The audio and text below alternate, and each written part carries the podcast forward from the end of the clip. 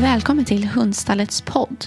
En podd där vi varje vecka fördjupar oss inom hundvärlden och om livet på hundstallet. Vi berättar om våra hundstallshundar, både de som söker en ny familj och de som har fått ett nytt hem. Men även viktiga och aktuella frågor inom hundvärlden.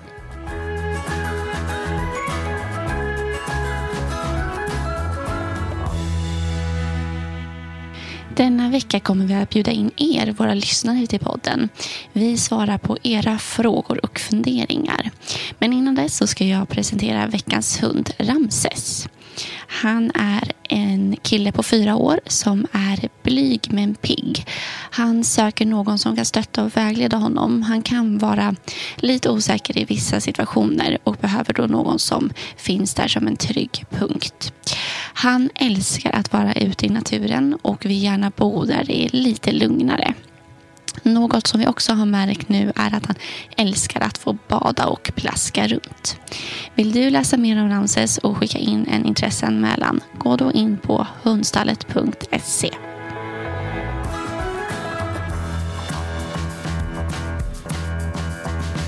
Idag ska vi försöka och eh, vi, eller vi ställde en frågestund, eller hade en frågestund på våra sociala medier och eh, bad om era frågor till oss. Eh, och vi har fått in massa, så att jag tänker att vi idag ska försöka prata mer med våra lyssnare och försöka svara på de här eh, så gott vi kan. Och det är jag och Carolina eh, som är med idag.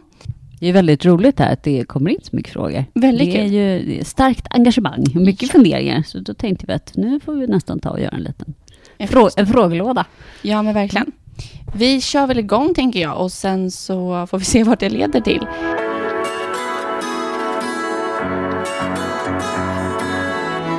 Vi börjar väl med en fråga som, ja men den här kan vara bra att börja med.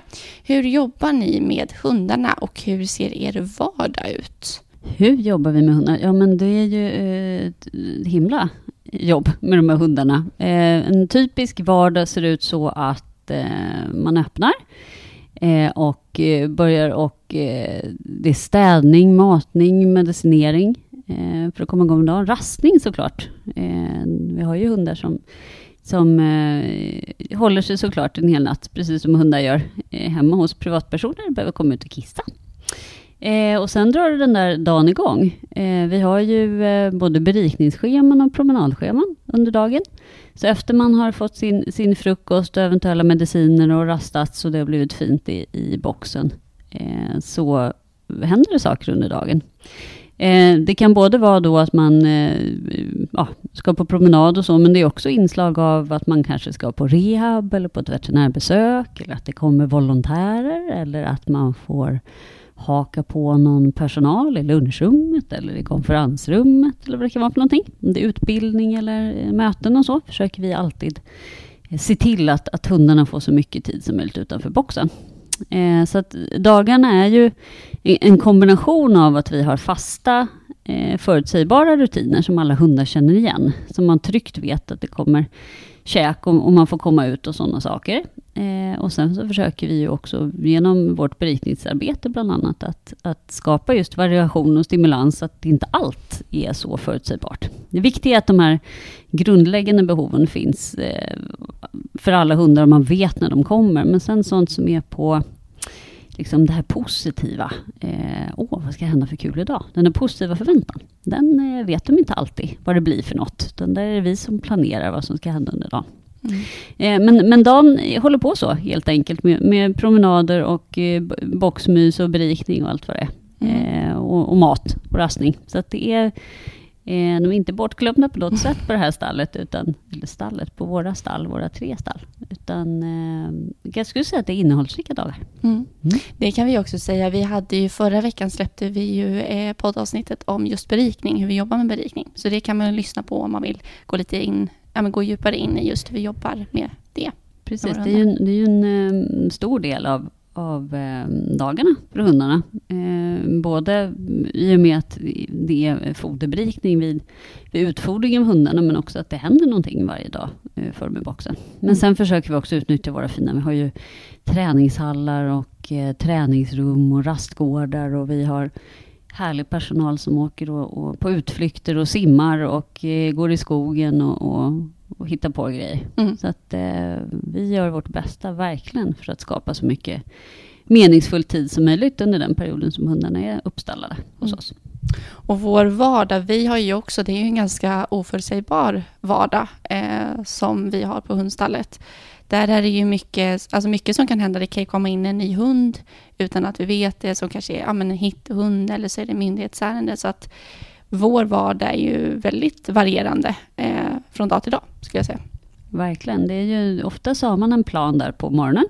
Man sitter med de där promenadschemana och har tänkt att så här ska de bli. Och så är det någon hund som blir, ja men är vissen och måste akut till veterinären eller som du säger, polisen eller länsstyrelsen ringer och det är hämtningar eller, eller så.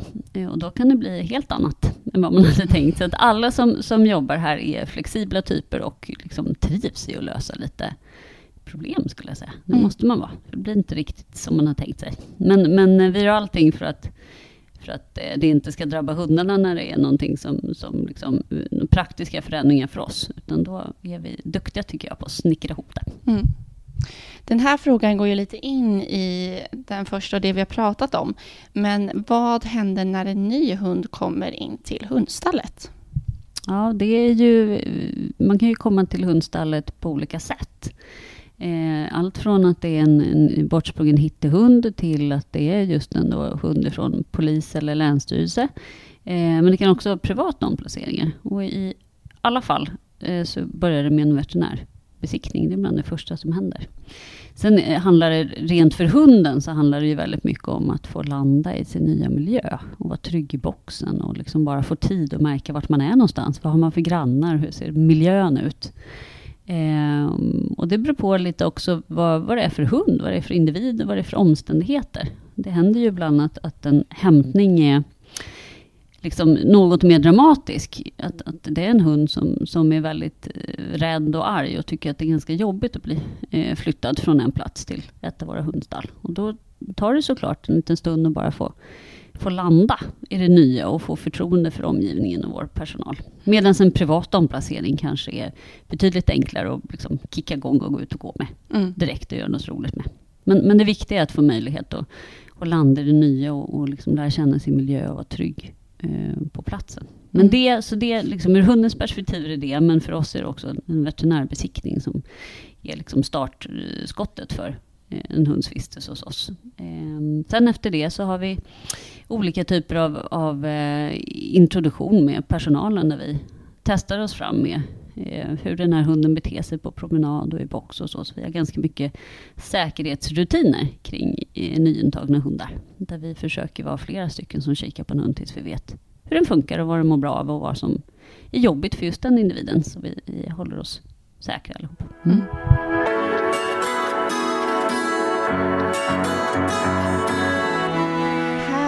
fråga. Hur finansierar ni hundstallet?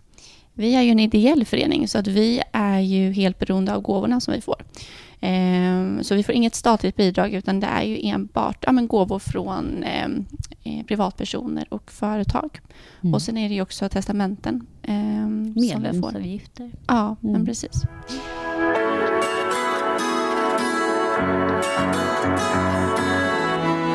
Eh, kan man praoa hos er? Är någon annan som frågar här. Ja, men då och då när vi har möjlighet att ta emot praoelever så är det ja, gymnasieelever. Ofta är det ju någon som går kanske hundinriktning eller ja, djur, djursjukvård eller någonting på, på gymnasiet helt enkelt som söker sig till oss för en praktik. Mm. Mm.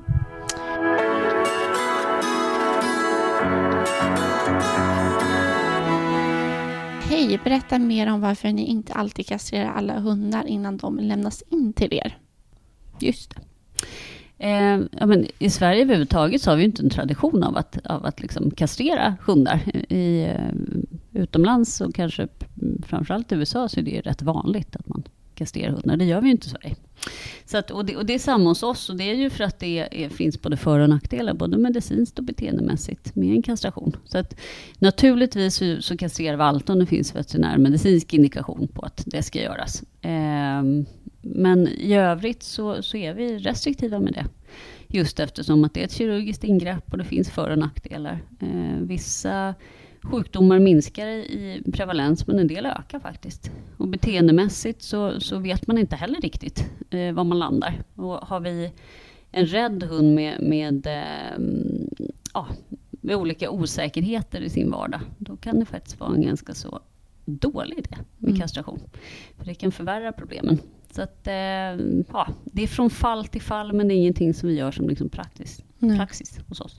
Jag tänker många som kommer in till oss är ju, det är en helt ny miljö och kan vara lite läskigt också. Så jag tänker även, det är mycket som påverkar dem även där. Absolut.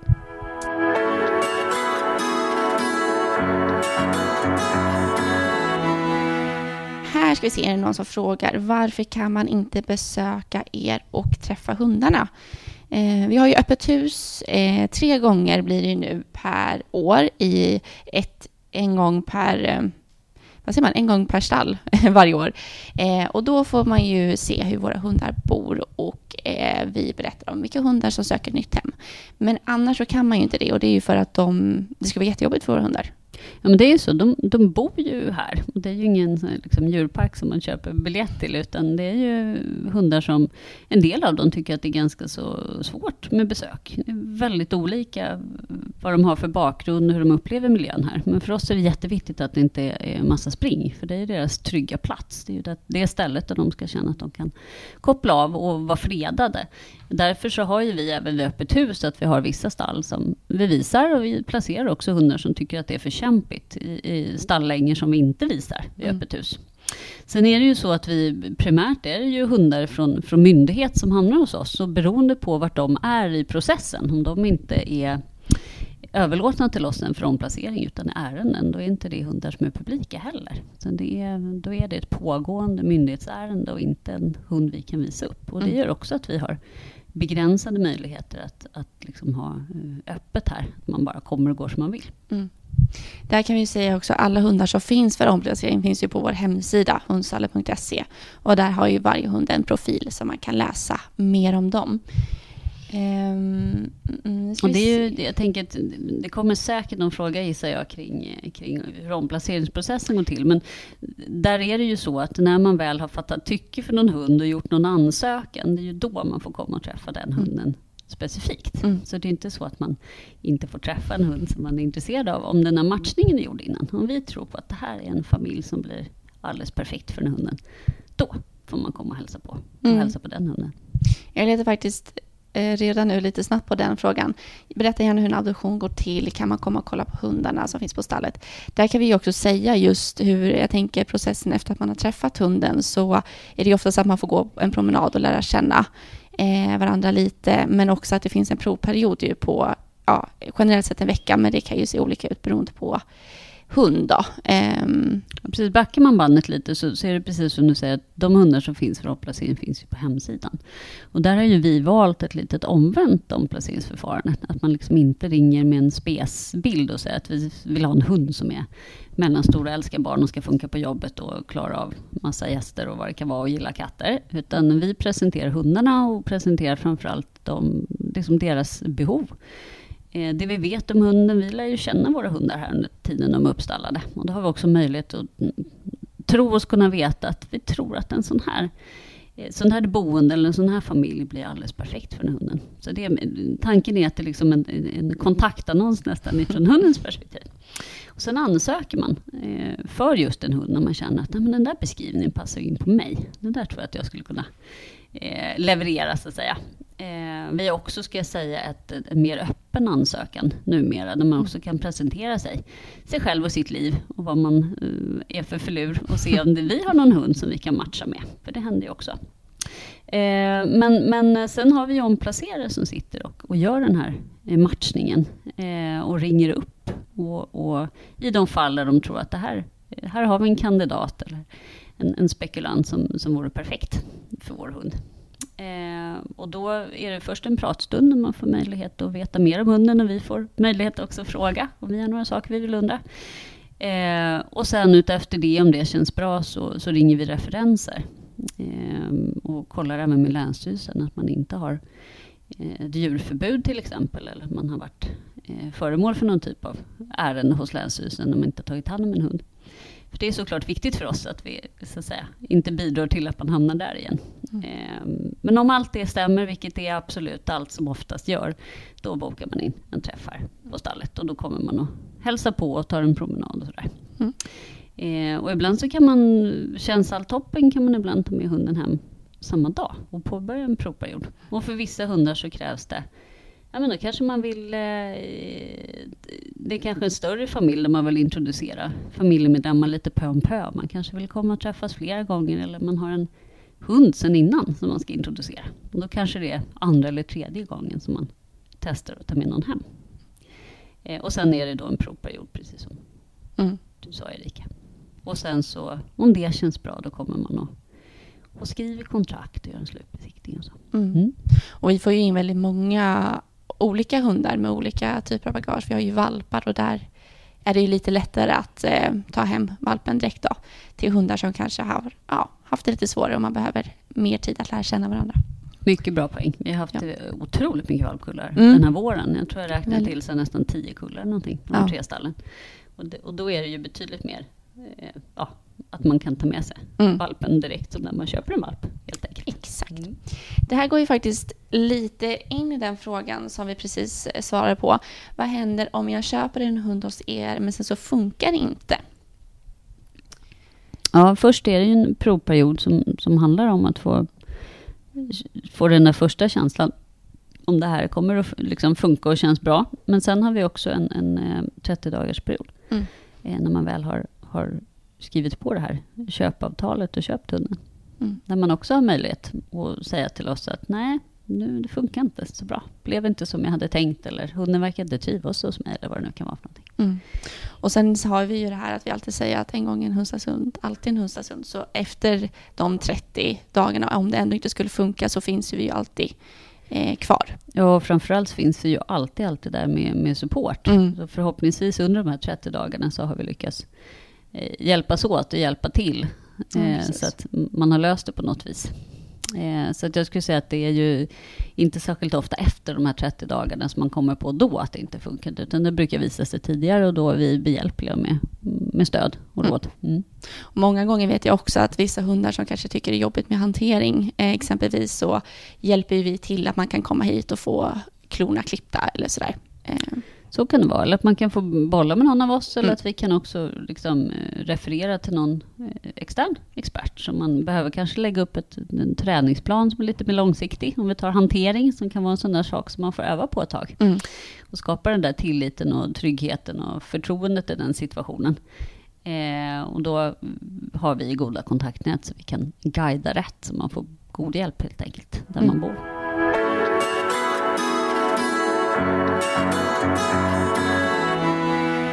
Tips kring att arbeta med ångest i bil och separationsångest.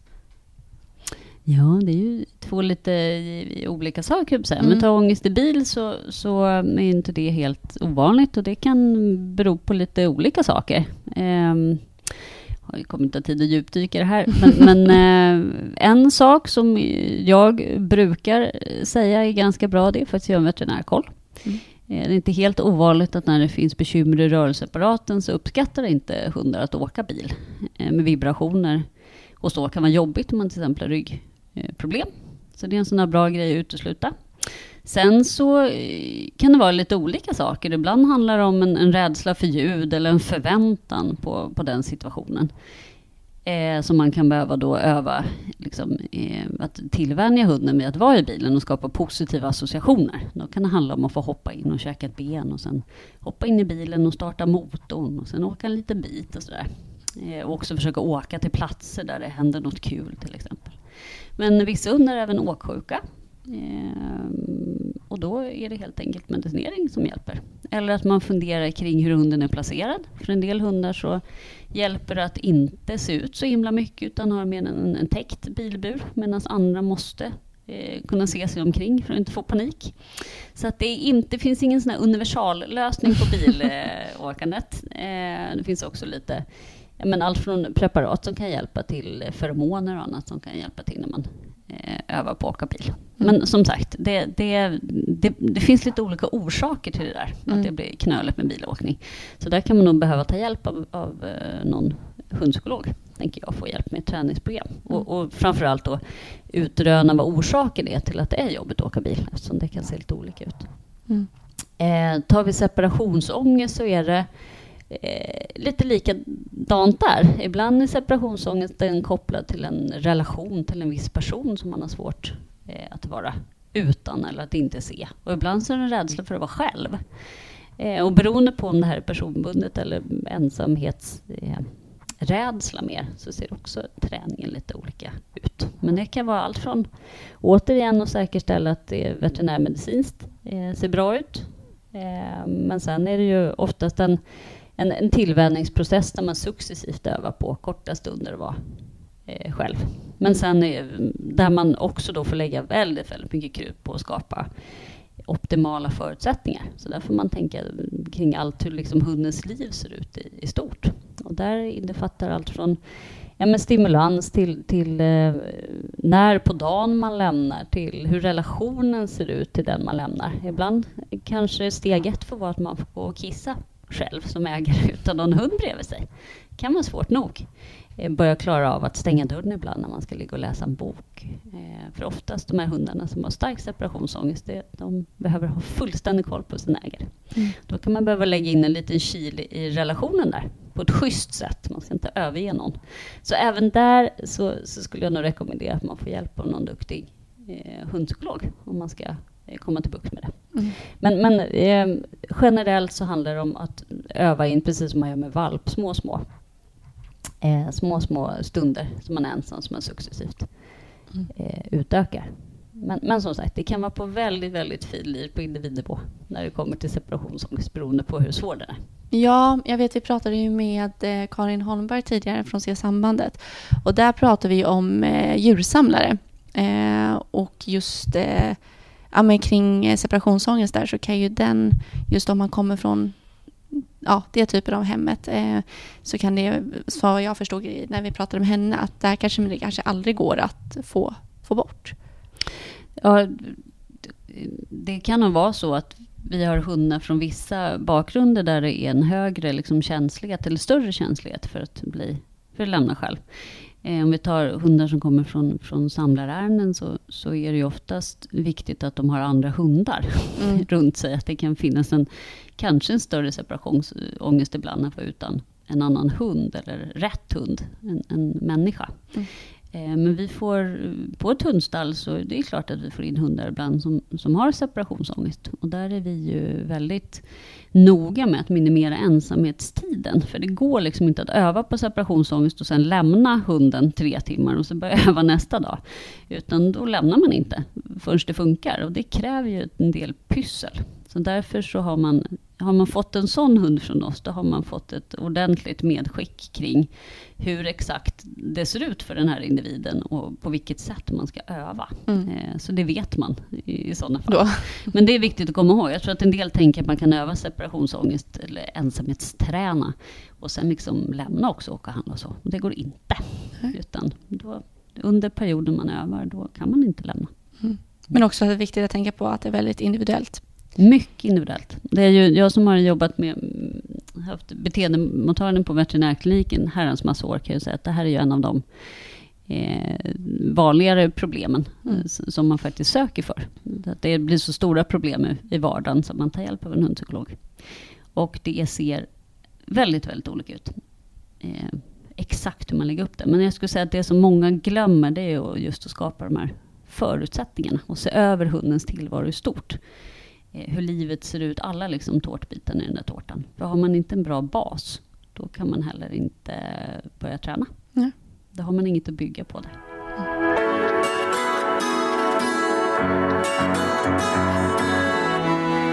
Vilka hundar är lättast respektive svårast att hitta nya hem till? Valpar som vi är inne på är ju det enklaste, skulle vi väl ändå... Det skulle jag tro. Säga Vissa, vissa. Också, liksom, eh, vissa sällskapsraser som inte finns Ja. ofta, skulle jag också säga. Mm. Eh, så. Det går ju snabbt. Och sen svårast är väl, jag skulle säga äldre hundar ingår väl i det. Det är Mm. lite svårare att hitta. Ja, men där, där skulle man väl säga där vi har mer specifika krav på ett hem. Mm. Jag brukar ju tjata om det här liksom att rätt hund hos rätt person. Och en del hundar Eh, Finns det färre personer som är rätt person till? Mm. Eh, Och då tar det längre tid. Mm. Ibland har vi också stora ärenden med väldigt, väldigt många individer av exakt samma hundtyp. Och det kanske är en hundtyp som inte har liksom, eh, blivande ägare som växer på träd. Det kan också påverka Mm. hur lång tid det tar. För då kanske vi har en pott på fyra bra ägare till en viss hundtyp och så har vi 16 sådana hundar. Det är klart att då, då får vi leta en stund. Mm. Eh, men det finns oftast någon eh, rätt person eh, till alla. Och där behöver det inte heller betyda, tänker jag, att just det är något fel med hunden eller att den på något sätt skulle vara svårare, utan just bara att man behöver hitta rätt förutsättningar. Precis, och de förutsättningarna kan ju både vara liksom, hundvana till exempel, men det kan också vara saker som att det, den här hunden behöver bo i en miljö eller ett sammanhang som ser ut på ett ganska specifikt Mm. sätt. För att det finns eh, rasegenskaper eller individuella eh, behov hos den här hunden som gör att vi tror att det blir bäst. Och då blir det, så, då blir det liksom, det där nålsögat blir lite, lite mindre. Mm. För varje, varje grej som ska in i den där kravbilden. Så är det ju. Ja. Mm. Jag vet att det är någon också som frågar, eh, passande till det här då, att eh, behöver man ha någon erfarenhet av eh, hund för att köpa hund hos oss? Det beror ju helt på hund. Mm. Verkligen. Vi har nog hundar då och då som man absolut kan vara första gångs hundägare till. Och så Ja. har vi hundar som man definitivt inte bör vara första gångs hundägare till. Skulle jag Väldigt säga. olika. Väldigt Vi olika. in- Vi har en hund för alla, höll jag säga. Men, men det är ju så. Ja. Vi, det, oftast har ju vi verkligen eh, hundar inne som man både kan ha som, som första hund och hundar inne som behöver någon som har mer erfarenhet av av hundar. Och kanske ibland också den hundtypen man är då. Att det finns en erfarenhet av samma hundtyp. Mm. Vi har ju eh, jourhem och helghem som vi är otroligt tacksamma för. De, det betyder ju egentligen att man tar eh, hem en av våra hundar så att de får en liten paus från stallmiljön och kunna vara hemma och ta det lugnt. Eh, här är det någon som frågar, kan man bli helghem? Och det kan man ju. Där har ju vi också några kriterier så för att kunna bli det. Eh, alla finns ju på vår hemsida, eh, hundstallet.se. Men bland annat är det ju att man ska vara minst 18. Eh, man måste också tänka på att man inte kan lämna hunden ensam, eh, utan man måste ha en plan för det. Eh, ja, men gärna ha tidigare hundvana och så. Men man kan gå in på hundstallet.se så kan man läsa mer exakt vad det innebär, både för helghem och jourhem. Då. Ja, för oss är det så guld. Det är både möjlighet att ge eh, hundarna en paus Mm. ifrån eh, stallmiljön. Jag skulle säga att det vanligaste rapporten man får från jour och helghem det är att de sover väldigt mycket hundarna. Och det är ju en av begränsningarna på ett hundstall. Man, man har liksom en ljudbild eller en stökigare miljö som, som påverkar återhämtningen och, och, och sömnen och vilan. Så det är, oftast är det väldigt ligga och sova i soffan och mysa, vilket kan vara guld värt. Mm. Eh, verkligen.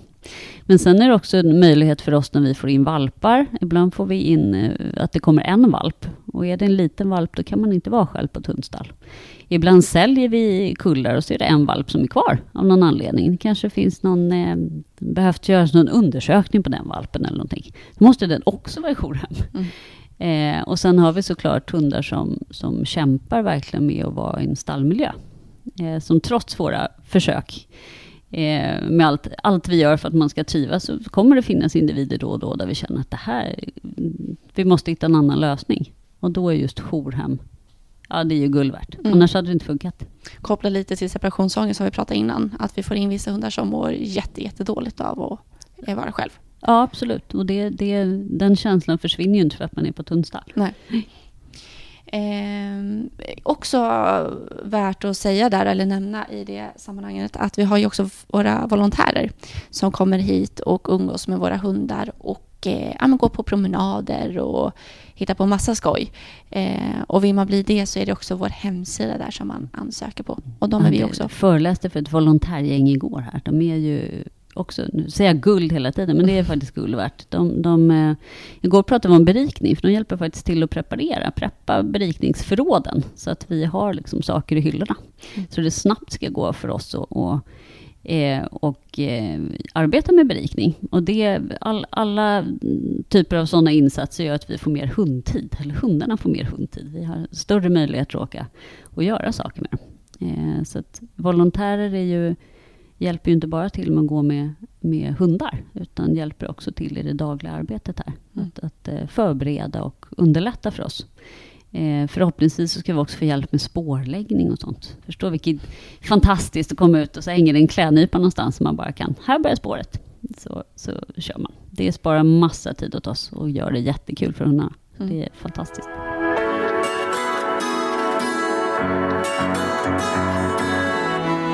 Vilken är den största anledningen till att hundar hamnar hos oss? Alltså, ska man se på, på liksom största andelen hundar vi har, då är det ju från myndighet. Och där är det ju att man har blivit omhändertagen som hund och enligt eh, ändra djurskyddslagen, där det är vanvård.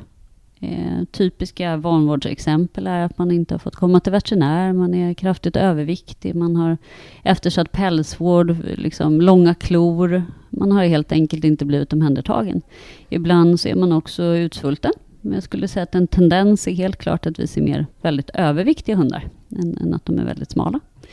Eh, när det är tillsynslagen som en hund kommer eh, till oss och har blivit omhändertagen genom, då handlar det om att, att ägaren har brustit i tillsyn och ansvar. Så man har försatt sin hund i en situation den inte har kunnat reda ut. Och då är det ofta kanske har bitit annan hund eller skrämt omgivningen, eh, jagat katter, varit lös på fel plats. En ägare som har hunden lös på olämpliga platser och där man har bedömt att, eh, att den här ägaren då har brustit i tillsyn, man har gett förelägganden, eh, vilket betyder att man har sagt att nu måste du ha koppel på din hund, eller munkorg då, kanske till och med om det är en hund som har bitit. Eh, och så har man eh, struntat i det. Mm. Och då kommer hunden till oss, eller till, inte bara till oss, vi är ju en av många uppställningsplatser som Länsstyrelsen landet över eh, använder sig av, och samma med polis. Men eh, det här är ju en av de mm. platserna som en hund kan hamna. Och när det är privat, då är det liksom att saker har hänt i livet. Jag skulle säga att det ser ganska olika ut. Eh, det kan vara allt från att man, det inte funkar med barn, eller att eh, det finns eh, beteendeproblem man inte klarar av, eller man har blivit sjuk. Eh, en tendens där är väl att det finns ekonomiska bekymmer. Att man inte har råd faktiskt att ta hand om sin hund eller ge den den veterinärvård som den behöver.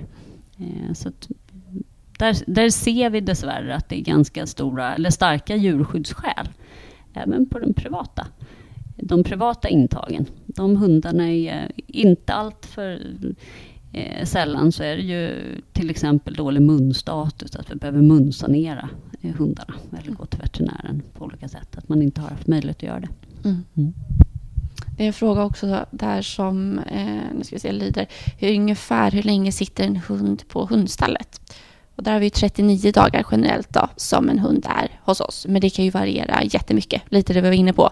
Valpar flyttar ju ganska fort. Eh, och så finns det vissa hundar som vi behöver, ja, men där vi behöver leta lite längre. Precis, sen har vi en kategori så kallade hittehundar också, mm. som är alltså bortsprungna hundar.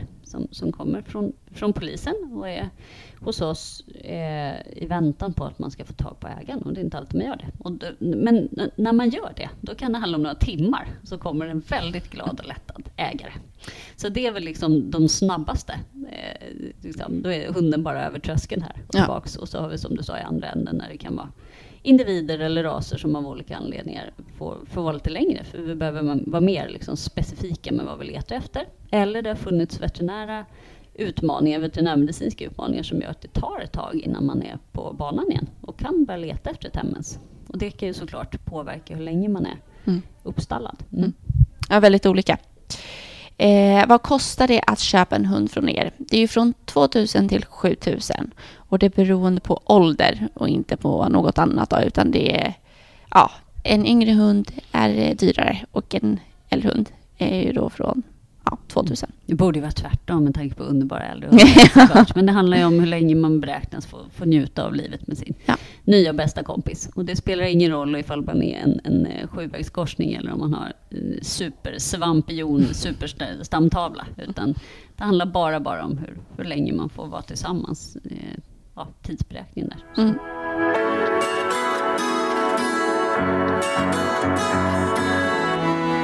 Eh, vilken hundras är vanligast på hundstallet?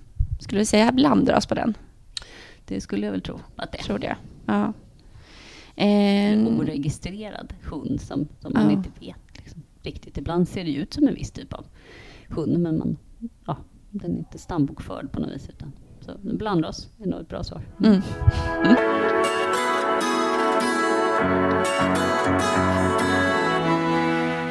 här är det någon som skriver, jag ser mer halvstyp halsband användas på bilder från hundstallet istället för sele. Varför? Ja, men det är lite olika anledningar till det. En enkel anledning är att det är ganska mycket eh, mer integritetskränkande att hålla på med en sele och fippla med. Och det kan vara en säkerhets... Eh, fråga för oss. Eh, att vi inte vill pressa hundar att hålla på att lyfta tassar och hänga över hur de håller på att trockla med en sele. Det kan vara så att det är mycket enklare att trä in huvudet själv och ta sig lös.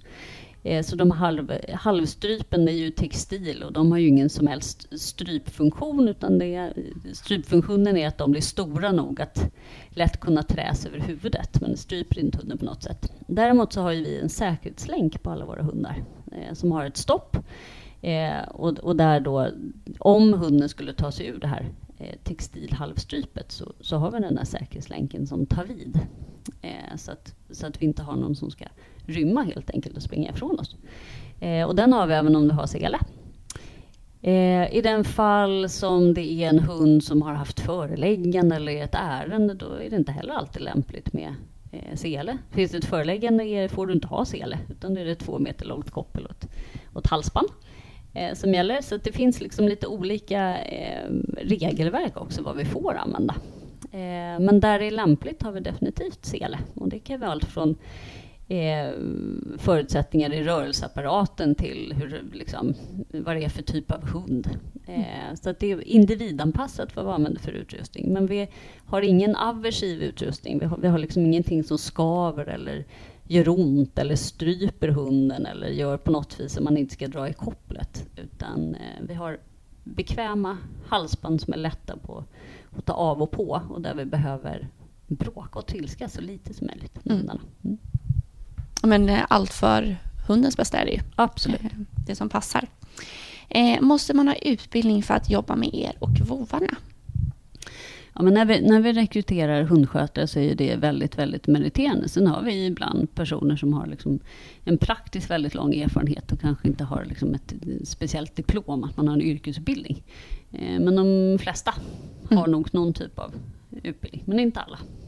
men har man inte det så har man det har man hållit på länge med hundar och arbetat med hundar. Så vi, är väldigt, väldigt duktig personal. Höga krav på vår personal och det behöver vi ha. Eh, för att vi har stundtals hundar som är ganska besvärliga att handskas med.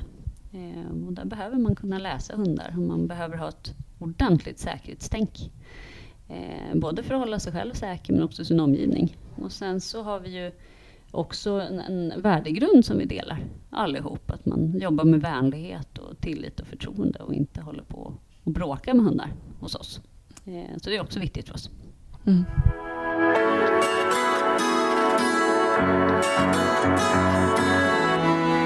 Om man vill donera mer än bara pengar, vad behöver ni i så fall? Eh, det är väldigt olika på våra tre olika stall hur det ser ut, men jag skulle säga mejla till info.hundstallet.se så får man hjälp där. Um, och det är ju lite olika. Mycket förbrukningsvaror ja. för ett hundstall. Ja. Så, så att det går bäddar och det går leksaker. Och, men man kan säga en sån där sak som alltid funkar, det är svarta kongar. Så sitter ja. man hemma med en hel låda full med svarta kongar, då tycker jag man ska bums skänka dem till hundstallet. Det behöver vi.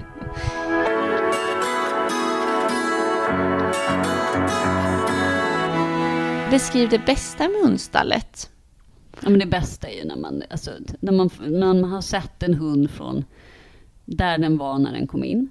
Kanske rädd och illa skött och sjuk och ja men du vet sådär så det bara känns jättetufft och sen får den flytta. Och så får man de här uppdateringarna från nya familjen. Mm och se dem eh, inte vet jag, ligga och rulla runt på en gräsmatta och hundkompisar och få liksom vara centrum i någons universum. Det är ju helt grymt. Det är ju precis det som gör att man orkar, eller att alla orkar.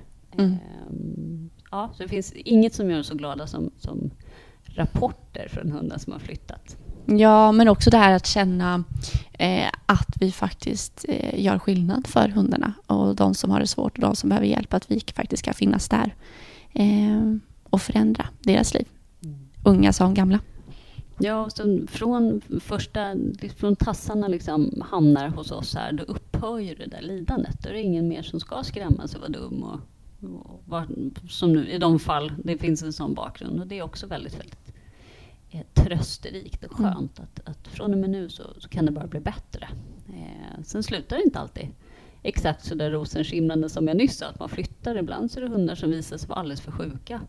Men då vet vi i alla fall att, att perioden de är hos oss så har de haft det så bra vi bara får till det eh, för deras skull. Mm. Och det är vi ju ett, det, det jobbar ju alla för, precis samma sak.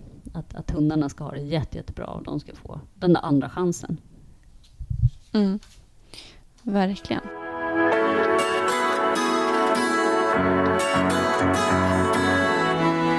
Det här är lite roligt. Den här är faktiskt någonting som vi skriver om i nästa nummer av tidningen, vår tidning som kommer ut nu i juni.